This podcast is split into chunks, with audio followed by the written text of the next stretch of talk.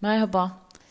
Pandeminin, salgınların, ekonomik çöküşlerin, siyasi baskıların, savaşların, nükleer risklerin, terör saldırılarının, doğal afetlerin e, bir de yetmiyormuş gibi UFO haberlerinin sanki çay kahve kadar gündelik bir gündem haline geldiği 2020'li yıllarda gerçek anlamda cesaretle yaşamak mümkün mü sizce?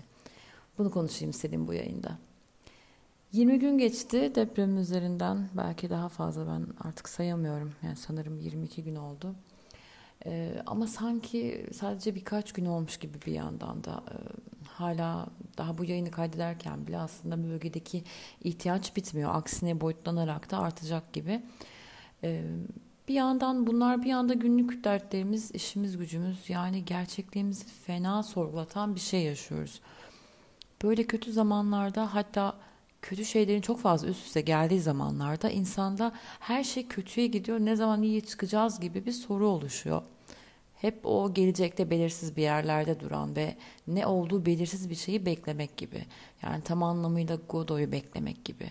Hani bilmeyenler için kısaca bahsedeyim. E, eylemsiz kalmış iki karakterin Godot adı altında e, ne olduğu bilinmeyen bir kişi ya da bir şeyi bekledikleri ilginç bir yapıtıdır. Bir tiyatro yapıtıdır e, Beckett'ın. Oysa ki Godo hiç gelmez. Yani tiyatro oyununda da gelmez. Godo var mı o bile meçhuldür.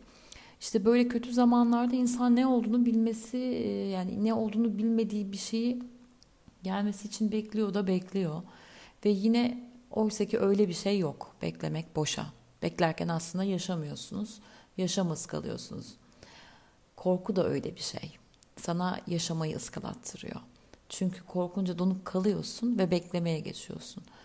Dolayısıyla korktuğun zaman aslında zaten yaşamıyorsun bile denebilir. Çünkü yaşıyor olma eylemi aslında o an ile ilgili bir şey. Yani sen o anda iyi şeylerin olmasını beklemeye geçiyorsan o anı yaşamak yerine zaten yaşamaktan vazgeçiyorsun demek. Yani hayat böyle bir şey. Tam olarak ne olduğunu bilmediğin bir iyilik halini bekleme haline geçmek sanırım biraz e, böyle acıya dayanak, dayanıksızlığımızı da hatırlatıyor bize özellikle bu son günler. E, halbuki hayatın içinde iyi de var, kötü de, felaket de, güzellik de yani tam olarak bu hayat dediğimiz şey. Ama kötü olan şeylere tahammülü az insanın. Yaratılış meselesi bence. Ayakta kalmaya, yoluna devam etmeye programlı bir robot gibi insanın beyni. Bunu bize hatırlatıyor aslında içinden geçtiğimiz bu yaz süreci. Şimdi ilk şoku atlattık. Yasımızı bir şekilde kendimizce yaşıyoruz. Yani ha bazıları beğenmiyor, karışıyor milletin yasına da. Hayata tutunma çabasına da, iyi olmaya uğraşmasına da. Geçen hatta bir demiş bir oyuncu. İşte herkes normalleşiyor, ben niye normalleşemiyorum diye. E, normalleşme çabasını biraz böyle tukakalamış. Aslında ne kadar egoistçe yani görebiliyorsunuz değil mi bunu? Yani şöyle bir dönemde bile hala insanların hayata tutunma ve ruh halini kurtarma çabasını bir e, matem fetişi yaparak toplumu ötekileştirmek yani gerçekten ihtiyacımız olan en son şey. Hatta bunun üzerine yani yaz yarıştırmanın zamanı mı diye de bir yazı yazmıştım sosyal medyamda. O kadar rahatsız etti ki beni bu açıklama çünkü. Ama işte insan hani öylesi de var, böylesi de var. Bir de yaşadığımız şey de çok normal bir şey değil normal bir süreç değil. Herkes bir şekilde şokunu, yasını, öfkesini farklı alanlara aktarıyor. İşte kimi de donup kalıyor böyle ya da yani işte birilerine sataşıyor. Yani onu da anlamak lazım bilmiyorum. Neyse dediğim gibi öyle ya da böyle geçiyoruz bu sürecin içinden. Yardımları devam ederek, bölgedeki ihtiyaçlar için koordinasyon sağlayarak, bölgedeki yerel üreticileri destekleyerek, çocuklar için planlamalar yaparak ne yapabilirizin arayışındayız hala. Yani daha hala arıyoruz bunu. Bunları yaparken biraz normalleşmeye çalışmayı ayıp ve kötü olarak da göstermeye çalışıp böyle kendi egosunu parlatmaya uğraşanlara bakmayın bence siz. Çünkü biraz ruhsal toparlanmanın kimseye zararı olmadığı gibi sağlam bir ruh haliyle yapabileceğimiz çok daha fazla şey olacak emin olun. Ee, tam tersine toparlanmaya çalışın ki yeniden bir normal yaratma şansımız olsun önce can sonra canan diye boşuna dememiş atalarımız. Yani buradaki derinliği görebiliyorsunuz umarım buradaki anlamı. Benim canım iyi olmazsa cananım nasıl iyi olur ki? Olamaz. Bu sürecin içinden geçiyoruz bir şekilde işte ama kafa göz kıra kıra. Ee, bu podcast'in konusu olarak belirlediğim kolektif anksiyete çağda tam da onun içindeyiz aslında. Pandemiyle dünya insanında çok ciddi bir kaygı eşiği aşıldı diye düşünüyorum. Yani bugün olanlara gelirsek son bu 20-23 gün boyunca her gece televizyon ekranlarında yani sağ olsunlar bizleri e, uyandırmak, bilinçlendirmek için konuşan profesörlerimiz de bir yerden sonra kaygı bombardımana vardırmaya başladı. Anlatımlarını biraz öyle bir his yarattı insanlar üzerinde. E, artık biraz gına geldi. Hani bana geldi. Açıkçası bilmiyorum size geldi mi? Yani cehalet mutluluktur demiyorum ama en azından her şeyi bilmeye çalışmamak da bir lütuftur. Çünkü bir de her şeyi bileceğim, her şeye hakim olacağım derken fena halde trollenme ve tufaya gelme riskin fazla. Ve böyle bir çağda yani böyle delicesine bir iletişim ve bilgi akışı hızı varken bence biz evrimimizin e, henüz bu yüzyılın hızına ayarlayamadık. Daha bu hıza erişemedi hiçbirimizin evrimi insanoğlunun. Yani önüne düşen bilgi ve iletişim yığının içinde gerçek salt bilgiyi ayırt etme becerisi bence şu an hiçbirimizde yok. Çoğunluk ulaşabileceği her türlü alan üzerinden tüm haber ya da dedikodu ya da fikir akışına ulaşırsa tüm gerçekliğe ulaşacağına inanıyor. Pek az bir kısım da bu akış içinde durup muhakeme yeteneğini çalıştırmaya çalışıyor. Bence zaten asıl mesele burada. Her şey o kadar hızlı ve armut piş ağzıma düş ki elindeki cep telefonuna akan her türlü fikri doğru kabul ediyor bünye. Muhakeme yeteneğimiz kaybolmuş vaziyette yani yok. Oturduğumuz yerde herkesle ve her şeyle iletişim kurarak, sürekli okuyarak, sürekli tartışarak salt gerçeğe ulaşmak mümkün olsaydı emin olun bize gelene kadar nice alimler, nice doktorlar, nice filozofları yani bunlar salt gerçeği öğrenmiş olurdu. Ama elimizde ne var hala? Kocaman bir anlam ve gerçek arayışı. Yani bulabilen yok. Muhtemelen bulabilen de olmayacak.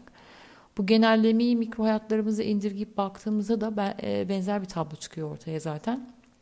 Yani tüm yaşanan bu korkutucu şeyler karşısında korkmamak adına bir gerçek bulma arayışımızda hezeyan, yani hezeyandan başka bir şeyle sonuçlanmıyor. Daha fazla endişeden başka bir şeyle sonuçlanmıyor. O halde gerçeği aramanın peşine düşüp korkuyla yaşamak yerine gerçeği değil doğruyu arayıp cesaretle yaşamak tek ama tek çözüm bence. Hal böyle olunca e, toplumsal olarak da böyle anksiyete manyağı olmaya doğru ilerlediğimiz bir çağda bizleri korkutmak, kendi kendimizi korkutmak çok kolay.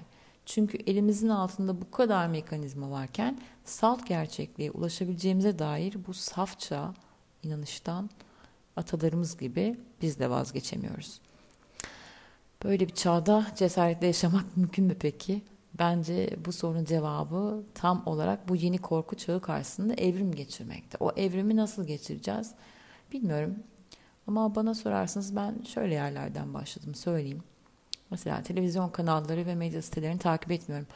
Ee, önüme düşen haberlerdeki salt gerçeklik boyutunu her zaman sorguluyorum. Koşulsuz inanmıyorum. Her bilgiyi de gerçek kabul etmiyorum. Ee, bir olayın her boyutuna hakim olmaya çalışmıyorum. Çünkü hakim olabileceğimi sanmamın çok büyük bir yanılsama olduğunu biliyorum. Her şeye hakim olmak mümkün değil. Her şeyi bilmek mümkün değil. Gerçek ama salt gerçeğe ulaşmak da çoğu zaman mümkün değil kimse açısından. Bilgi kaynaklarımda mesela seçici davranıyorum. Her duyduğuma, her okuduğuma çok büyük anlam ithaf etmiyorum. Her uzman, bilirkişi, yönetici ya da profesöre de sadece bu rütbeleri var ve bilgi birikimi var diye yüzde yüz inanmıyorum. Tabii ki saygı duyuyorum ve dinliyorum ama yüzde yüz inanmıyorum. Çünkü insanın kusurlu hata yapabilen ve sınırlı düşünebilen bir varlık olduğunu da kabul edip bu insanlar için de hata payı bırakıyorum kafamda. Ee, başka mesela kaygının ancak ona yol verdiğinde onun etrafında tur attıkça büyüdüğünü de görebiliyorum. Durup içinde bulunduğum ana bakıyorum. Şu an etrafımda neler oluyor? Şu an benim kaygı duymamı gerektirecek bir şey var mı? Cevabın çoğu zaman hayır olması en azından bir kaygı etrafında tur atmamı engelliyor. Bir de tevekküle inanıyorum. Tedbirini almak, sana karşı sorumlu olan ya da hizmet aldığın yapıları tedbir almaya, onlardan hesap sormak dışında yapabileceğim bir şey olmadığını görüyorum ve e, akışa teslim oluyorum. Olmaya çalışıyorum.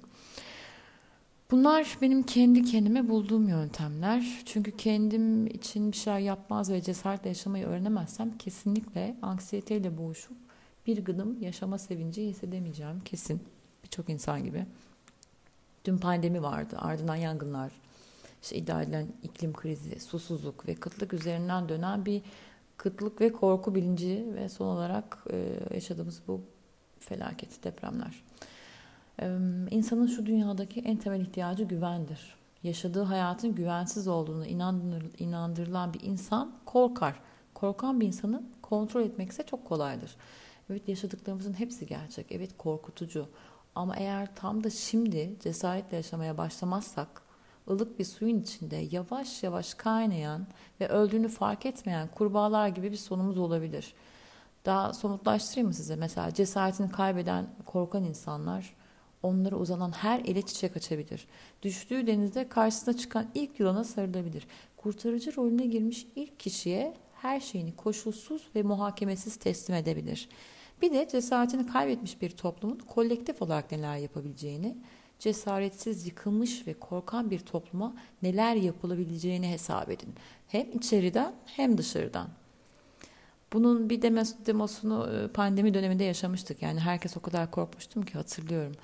E, bizim çocuklarla işte sitenin parkına çıktığımız için bir komşumuz bizi polise şikayet etmiş. Polis gelip parkı basmıştı. Öyle bir korku ki kendi özgürlüğünü, kendi isteğini kolluk kuvvetlerine teslim ettiğin gibi başkalarının özgürlüğünü de kısıtlansın diye çabalıyorsun. Kendi özgürlüğünü kendi elleriyle yönetici erke ya da bir takım kuvvetlere teslim etti bu insanlar. Şu anda çok garip geliyor ama bunlar yaşandı. İnsan yaşamsal varlığını devam ettirme üzerine programlanmış bir varlık. Bu yüzden yaşamsal tehditler söz konusu olduğuna inandırıldığında başka bir dalga boyutunda çalışıyor kafası. Yani normalde yapmayacağı şeyleri yaptığı gibi bir de sürü psikolojisine hızla kapılıyor. Bu yüzden cesaretle yaşamak zorundayız. Aptalca yaşamaya devam edelim değil bu. Şu ana kadar uyanmadığımız kadar çok uyanıp hesap sorarak, takip ederek, çökmüş bir ahlak sistemini yerinden kaldırarak, elimizi her zamankinden çok taşın altına sokarak ama tüm bu korkutucu şeyler olurken bile korkuya, olasılık hesaplarına ne zaman düze çıkacağımıza odaklanmak yerine cesaretle içinde bulunduğumuz zamanı onun her boyutunu kabul edip sindirerek yaşama yolları bularak. Şöyle bir söz vardır ve hiç de boş değil bence. Hayat cesurları sever. Çünkü şu anda kaybettiği cesaretin e, ileride seni muhakeme edemeden, sorgulamadan yaşamana, önüne sunulan seçenekleri ayırt edememene, özgür düşünememene, özgür hareket edememene, kendin olamamana ve dahası bunların hiçbirini fark edememene neden olabilir. Atatürk'ün de dediği gibi umutsuz durumlar yoktur, umutsuz insanlar vardır. Ben hiçbir zaman umudumu kaybetmedim böyle demiş. Bu zor günlerde içinizdeki cesareti uyandırmanız, dışarıda ne olursa olsun cesaretle yaşayabilmeniz dileğiyle. Görüşmek üzere.